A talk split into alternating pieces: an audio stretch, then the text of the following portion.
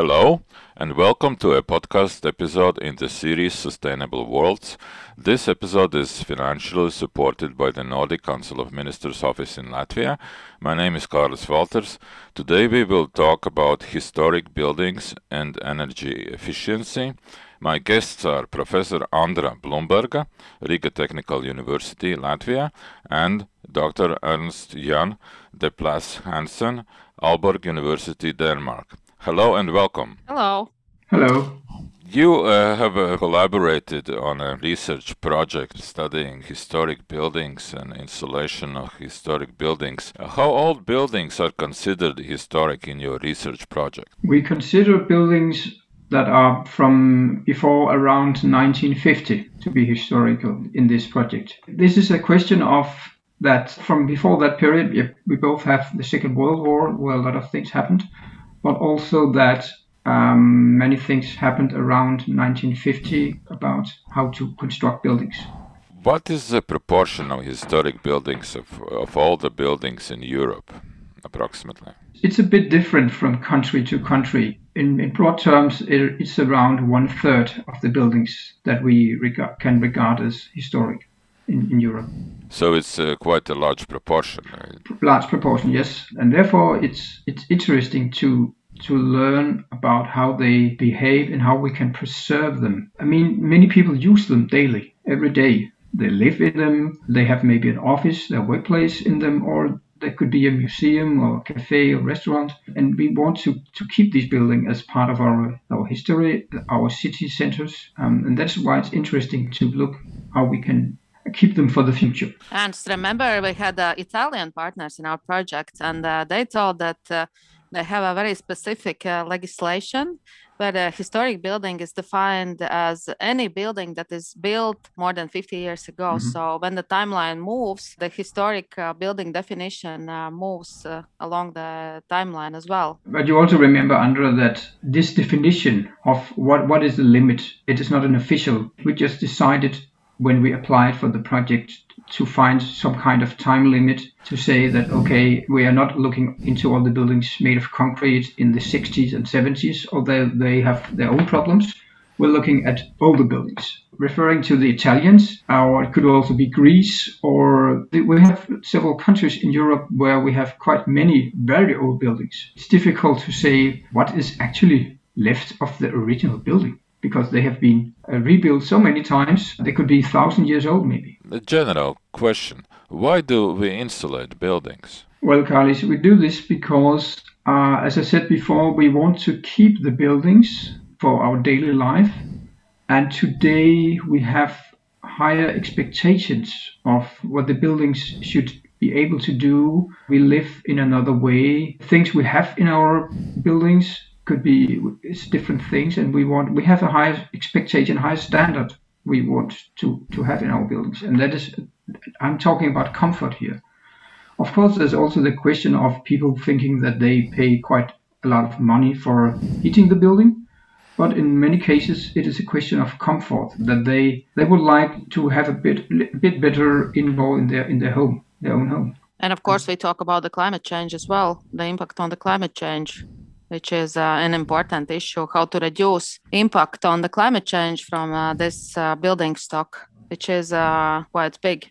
Sure. As we said before it's about one third of the buildings in europe that are historic and as they are typically not so so well uh, insulated as uh, newer buildings they use quite a lot of energy to become heated. Of course yes it is also a question of climate change but maybe as a user of a building, maybe you think, how can I contribute to, to the climate change? Maybe you find it a bit difficult to relate this single building to the climate change, but we have to consider that all the buildings we have that are of a certain age, they should be improved. The energy efficiency should be improved. And that is why we have looked into this for, for this project where we have tried to find out what how can we find out whether it is safe to, to do this because there are also some, some challenges when we try to renovate these buildings. These historic buildings often have uh, historic, beautiful facades and uh, the legislation even doesn't allow it, but it, it would be unreasonable to insulate them from outside. Is that correct? Yes, very often, and even in buildings that are not protected or listed, that is also again a question of legislation in different countries, how that is organized. But even in that case, you could have many building details that you want to keep. And if you put the insulation on the external side of the building, then they disappear. Then all the details disappear. Then we change the the building, we change the the city. Then it we, we may risk that all these nice old buildings they become very much alike, uh, having without all these details that we, we cherish. Okay, so the solution is insulation from the inside, right? Yes, that is the option we have because, as I said, we cannot put it, or we do not want to put it on the on the outside. Most of these walls they are solid walls. I mean they are brick or stone from the outside to the inside. So the, the only possibility is to put the insulation on the inside. Andra uh, what are the main challenges when insulating buildings internally? When i think about uh, bricks myself and try to think uh, like in some simple terms let's say i usually compare bricks with a sponge in the sense that both sponge and bricks they have a pores. So whenever you put dry sponge in uh, water everybody knows what happens. The sponge immediately absorbs the water and then the only way how to get out the water is either to dry the sponge for a very long time or just to squeeze the sponge. With the brick happens the same, just the pores are much smaller and you can't see them uh, by eye normally. Once you get the humidity in, you can't squeeze uh, the brick, so you have to dry it out. So that's uh, the uh, major challenge for insulation from inside humidity transport is changing uh, because the conditions around the brick is changing uh, because of the internal insulation. The wall that was standing uh, for let's say last uh, 200 years in the condition when it's cold outside and warm inside, once you do the internal insulation, suddenly the wall is uh, moved out of the building on the cold side, and the wall is uh, now both uh, cold from outside and inside. And the moisture problems uh, appear both from outside from uh, rain that uh, might fall on the wall or it might uh, happen because of the insulation and the condensation and the moisture transfer from the room uh, to the outdoor wall.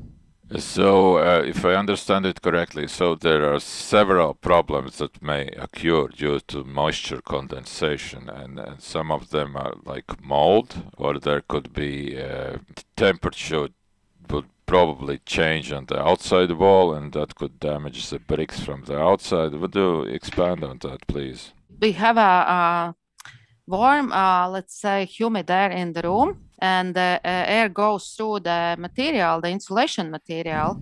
If the air can go through the insulation material, the original wall, the brick wall now is cold, and let's say it's uh, minus, uh, 15 degrees outside, the wall is cold. Then the humid, the warm air is condensating on on the wall. What is happening? We can see normally when when it's cold outside and we can see this condensation on windows but when it's closed with the insulation you can't see of course what is happening behind the insulation. So different insulation materials can be used to avoid this problem but still it's uh, challenging for the construction and, and, installation of the materials that if they are not uh, properly sealed then the air still can uh, penetrate through the insulation material and get to the wall. And once the humidity is there, the mold might start uh, grow as well, which might cause a lot of problems later. Okay, uh, we'll talk about uh, your laboratory studies on bricks. Um, about the cookies a little later. Ernst, uh, what happens um, how do weather conditions affect facades of the buildings? You have uh, published a recent code or the recent paper on certain applications, uh, how to protect uh, the walls from uh, water. How, like wind-driven rain or, or, other weather conditions affect facades? Well, wind-driven rain. I mean, the combination of of rain and wind. That is a very important load or a factor for for for as as Andra told about before about this effect of the sponge, and that is, I mean, that is very local. I mean, the, the conditions can be very different from country to country, and even uh, from in different areas of the country. And on top of that, it's also a question of the orientation of the building, the orientation of the facade that we are looking at. You cannot put very strict rules on how what to do. Uh, because it's very dependent on the different situations. But what we have been looking into is to say, okay, um, we, we, we talked about to, to put the insulation on the inside because then we can we can bring down the, the heat loss of the building. Then we consider to put some kind of thin coating on the external side to limit the wind and rain to enter the bricks. And there are different products on the market that, that can do that. What we then are a bit afraid of is that we, we now, depending on what kind of insulation we use on the internal side, we might risk that we the moisture gets trapped between the insulation system and this coating that we put on the external side. Most of these coatings they are able to hinder the wind, wave and rain to get into the bricks and they even are able to they can still breathe a bit. So if you have a limited amount of moisture in in, in the bricks, not water but as as vapor, it can still come out of the bricks even if it is coated. This is still a quite new area. We are also looking into how durable is this treatment of the bricks do we have to redo it every five years, for instance? And what about uh, if we have any cracks in the facade? How does that affect the behavior of this, this coating? Andra, would you tell about your laboratory work with uh, bricks from different countries, from different historic buildings uh, built in different times? Uh, I've seen that you cut these bricks in, in, in, in about a centimeter thick uh, plates that you call cookies and then test them. Would you tell about that work a little? Yeah, we do cut uh, bricks in uh, in the cookies like uh, pieces just to get uh, more information about uh, different bricks uh, made in different uh, time periods uh, by different uh, companies used in different buildings. And why do we do this? Is uh, either the building owner would like to do internal insulation and he wants to know is it safe to put this insulation because the safety relies a lot on the material properties of original bricks if they are uh, more like a sponge like uh, brick, it might be that it's really risky to put the insulation on or they might be more dense, then the risk uh, might be lower. It's always the question uh, how risky is it and uh, what parameters uh, influence this level of risk let's say. Normally you shouldn't bring your bricks to lab uh, because it's it's costly. So what we basically do we do a lot of tests in the lab for with for different materials because it takes almost half a year for one brick to be fully tested for different uh, parameters. And then we use these parameters for simulation tools Simulation tools. So, what are uh, simulation tools? what yeah, what, what is a model? yeah, the model. So it's either simulation tool or modeling. Uh, it's the uh, possibility to look on reality that we can't see either by eye or it's too long term, so we don't know what the impact might be. Let's say for if we put an internal insulation on uh, some buildings, so as Hans said, it might uh, take years to understand uh, what the impact might be of, uh, let's say, some paint that you paint from outside or some insulation material. We can run uh, simulation rounds in our computers. So it's basically mathematics uh, or uh, physics described by mathematical uh, equations describing how, let's say, the vapor or the water is moving through the brick. And it takes, uh, let's say, a few seconds to a few minutes, uh, maybe 10 minutes, depending on the how complex is the simulation. Let's say you would like to look what will happen with your wall if you put a certain insulation, what will happen uh, during first year, during second year, and so on. And so you can see basically, is it risky to do the insulation with this particular insulation material? Shall I change the thickness of material? Shall I change material? Is there a risk of mold growth? Uh, is there risk of wind-driven rain? And how can I reduce the impact of these uh, risky factors? And to do this uh, simulation, you need uh, to know something about the historic wall uh, some parameters that are important. And uh, the pore size is one of the factors that uh, has an impact on the final results. The bigger pores you have, uh, the more uh, they can absorb uh, humidity, water, or vapor. And then there's the, the qu- next question how the wall can dry out the, the moisture that is accumulated in the wall. Basically, it is a question of learning how robust, how how good are they in, in resisting different uh, loads? That could be different from type to type. So therefore, it's it's important to know both something about the brakes, but also about the different things that can go wrong. I mean, as we talked about, it could be mold, it could be frost during uh, because of the, the weather getting cold outside. The challenge here is to model all these things in a way that reflects the reality so we can do all these simulations. But there are so many kinds of bricks during from these all these many years that we have been doing buildings of brick masonry, and we cannot cover all these types of bricks. So we have to, based on some of the tests that Andra just told about, then we have to get an impression of how wide is the the uh, uh, behavior of, of bricks. The brick from another factory could behave a bit different, and therefore we have we cannot just um, model based on specific bricks. We have to model expecting the behavior to be a bit different from the the, the bricks that we that we measured on. So it's it's a kind of distribution of, of, of the properties. And that gives some challenges because then we have to mix a lot of different combinations of loads when we do the simulations.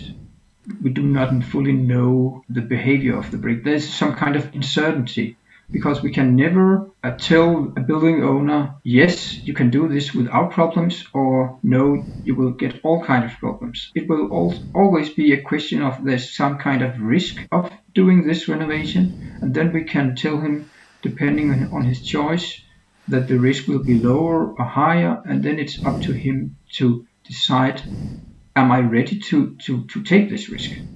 That is very interesting. I think uh, this variety of bricks um, in historic buildings is this variety time dependent? In, in which century, in which year uh, it was produced, or the larger variety comes from also geographically because uh, as brick is uh, basically produced from clay and sand, and those are geological products which are different uh, in Italy than in uh, in Denmark. I think it's a combination combination of time and geography because over time the way that the bricks are produced has changed. So today bricks are much more equal. I mean, when you have a production from a tile work, they are much more alike than, than they were previously.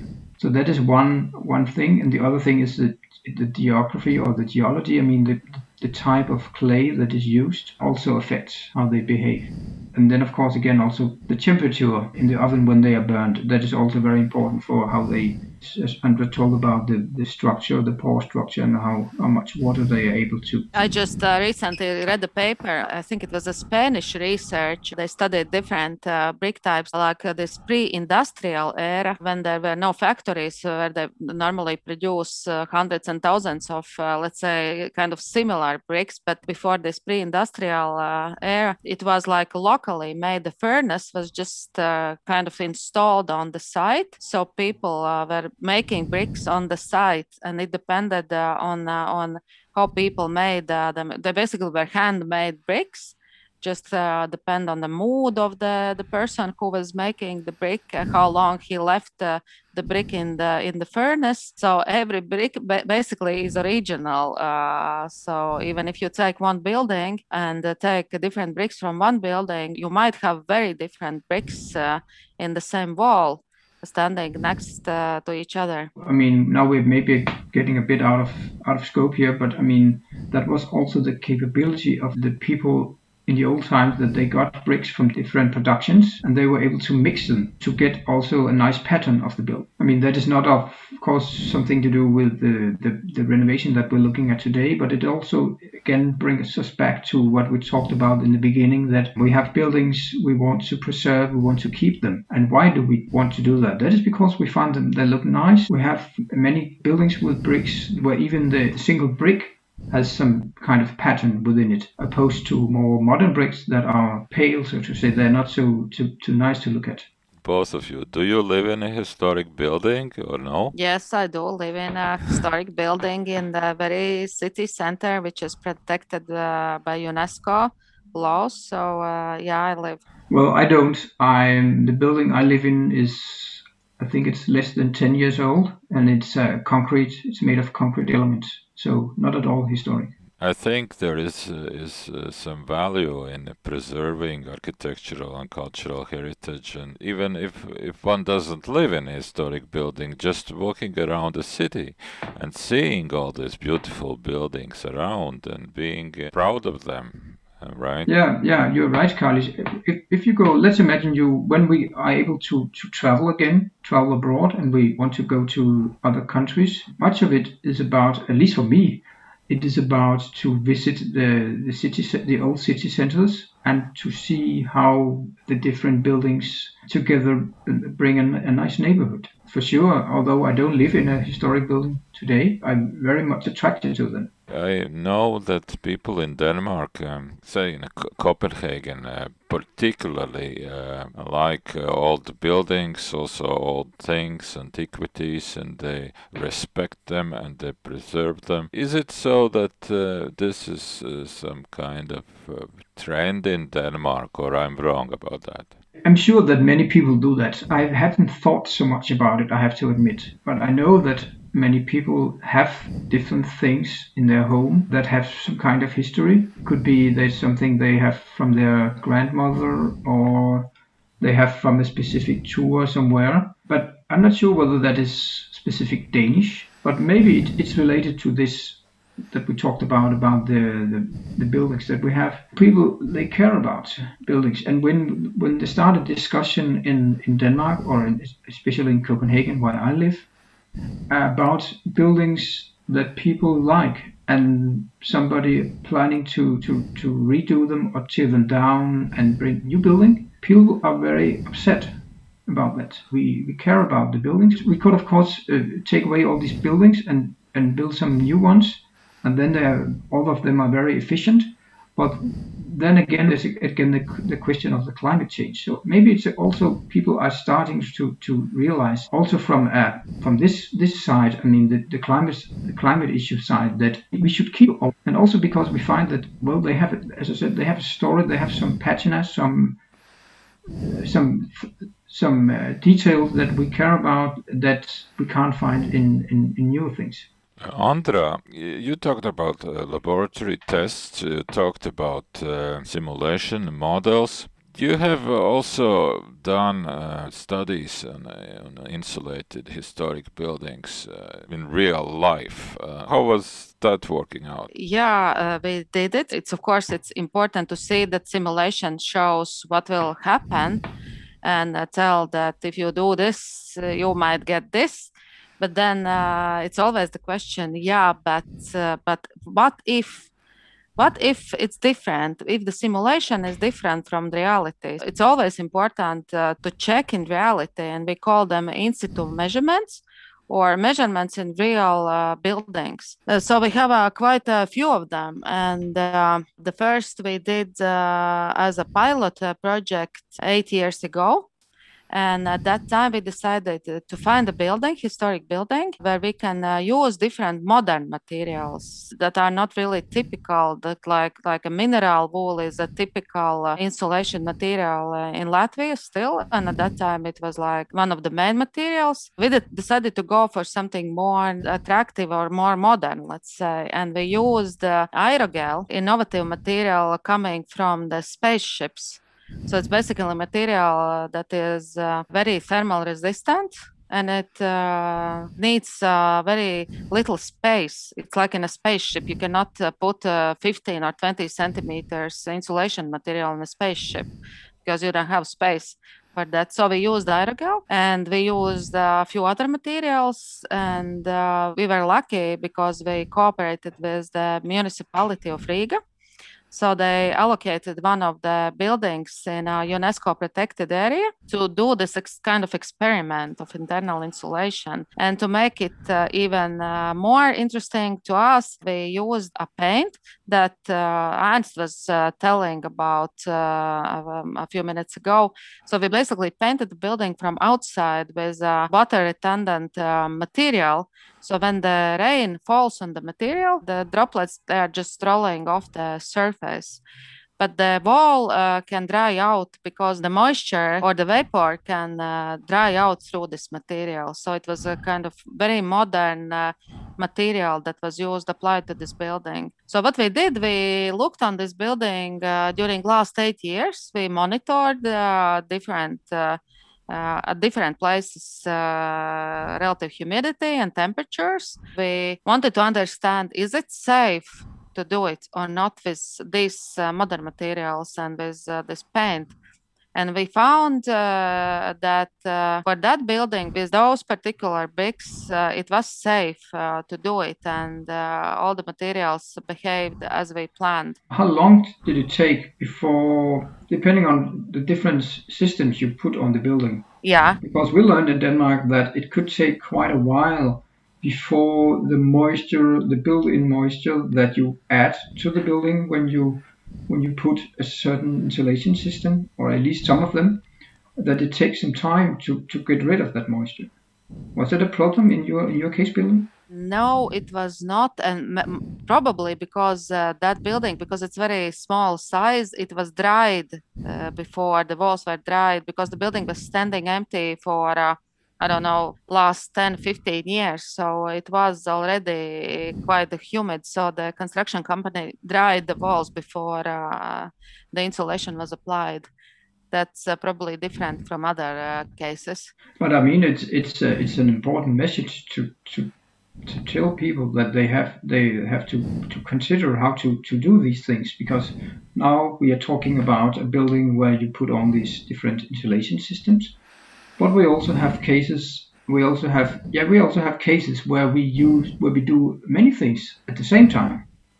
Uh, one of the buildings we, we studied in Denmark was a single family house, uh, more than about 150 years old. The owner he he did a lot of things. He um, replaced the, the floor construction and put in a, a floor heating and uh, some concrete floor and then he also added uh, internal insulation. In the end, he had a lot of moisture he, he had to get rid of. And then the question becomes when to put on this coating.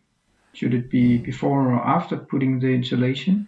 As we talked about for before, the coating is there to hinder the, the wind-driven rain to get into the wall. And if this could be a way to help drying the wall, that it is protected against the, the, the external load, project that we are talking about here, we mainly looked at buildings where we put on this internal insulation. In many cases, you, you do a number of things at the same time. In that case, you have to be very careful about how what you do and in what order. We didn't uh, describe that so much in our guidelines from the project. The guidelines are mainly on if you have an historic building, you either live in it or your parents live in it or your your, your office is, in it and you consider to put on this insulation, then we describe what to do, what steps to do to find out whether this is a good uh, option or not. There could also be cases where you do um, more than just putting on the insulation, and, and, then you really have to consider in what order to do it. And maybe, as Andrea, as you said before, you have to consider maybe to, to, to bring some kind of drying, a way to dry the building before you renovate it. So the recommendations would depend on uh, the type of uh, building materials used in the historic buildings, and it would depend on the climate and um, what else is it? Um, what are these recommendations based on? Well, they are based on partly on these studies that we have, the, where we have these case studies in the different countries, but it's also based on knowledge of uh, that we know that uh, wind-driven rain, as I told before, it can be very different due to the orientation of the facade. And that is probably different from country to country. In Denmark, it is very much uh, wind-driven rain from the southwest because, because we very often have wind from southwest. But in other countries, it might be from east or north, uh, also in combination with that a facade to the north gets less sun, and that means that it is the drying takes longer time compared to a facade to the south that get a, gets a lot of sun. Andra, um, you and your um, research uh, associates have built an actual wall in a climate camera in the lab. Would you tell about that a little? Yeah, what we do, we test in the, let's say, control the environment uh, where we can uh, easily control uh, indoor environment and outdoors. So it's uh, we have two big uh, chambers. in one chamber, we have like an indoor uh, conditions, let's say plus 20 degrees and uh, let's say 50% relative humidity.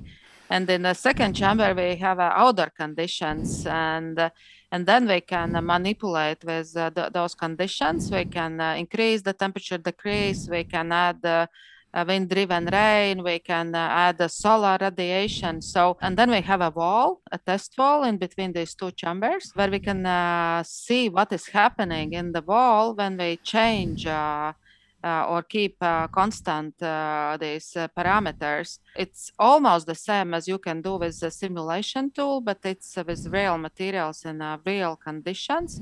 It's not as difficult as in real buildings where you cannot control anything. You just look what is happening.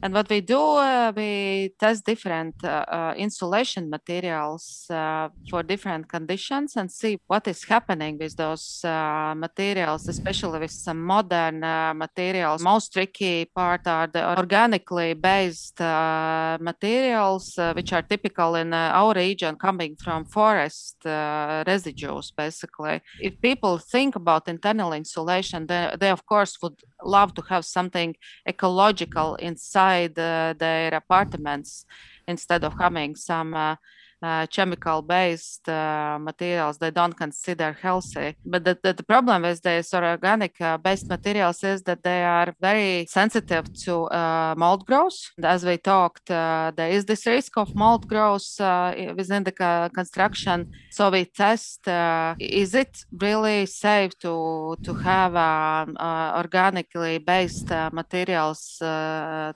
be used as internal insulation? This is one of the uh, interest areas we have uh, about these materials. Okay, uh, wrapping up this um, interesting conversation, what is the take home message, uh, each of you? How would you summarize what we talked about? I would say that we have a lot of buildings in Europe. We need to renovate them, to, to preserve them, to keep them used for the future. And we have methods to do that in a way where we also can keep the the architectural, the cultural heritage of the buildings. But we also have to understand how to do that, the different steps that is involved in deciding what we can do and how to do it. We did some guidelines. We didn't talk so much about them in this this podcast, but in this project, this European project uh, that finished last year, we made a number of guidelines where we present the different steps that you, you need to go through to find out whether you can do it for your building and if yes, what kind of system should you use? Because there are, as we also talked about, there are different different types of systems. When I say systems, it is because normally you have you have an insulation material and you also have maybe if the insulation material is a is a block, not a mineral but it could be other types of materials that you have to glue to the existing wall. Then the glue is important. That means that you have to buy the full system at one producer. You cannot mix the different systems because then they you, you don't know what happens. So it's very important to use a full a full package from the producer. And my t- take home message would be that uh, even if you live in a historic building, uh, it doesn't mean that you are destined uh, to uh, live in the building uh, with very high energy consumption or uh, destined that, that there is nothing to do with the building because the Heritage Protection Board does not let you do anything. Like i'm living in the building. It's not allowed to do anything from on the facade it doesn't mean that there are no solutions as Anne said and uh, so it's just the question uh, how to find uh, the best solution and how to apply it uh, in the best possible way. You just have to search for for answer. We will continue our research to help people to solve this problem and to reduce climate change so your uh, recommendations are based on research. It's uh, it's physics. It's uh, maybe some chemistry and and it's uh, science. Uh, what would you tell to young people listening to us? Uh, what is interesting in research? What do you gain by doing these laboratory works, uh, simulations, and, and, and studies in the field? What's the most interesting in your day? Well, that's a tough question, Carlis. I would say that um, when, when I do research, I've, I've tried to, to do it in a way that it can bring something to the society that can that help the, the society in this case to to to deal with the the, the the challenges we have with the climate that is not only for Europe but for the whole world.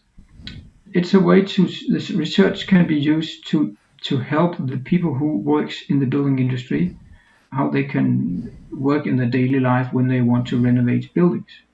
But on the other hand, it can also help those who live in these buildings or use these buildings or own these buildings to understand that they there are possibilities as as we said there are possibilities to to do something about these buildings even they it could seem different uh, difficult because they are protected in some kind of way.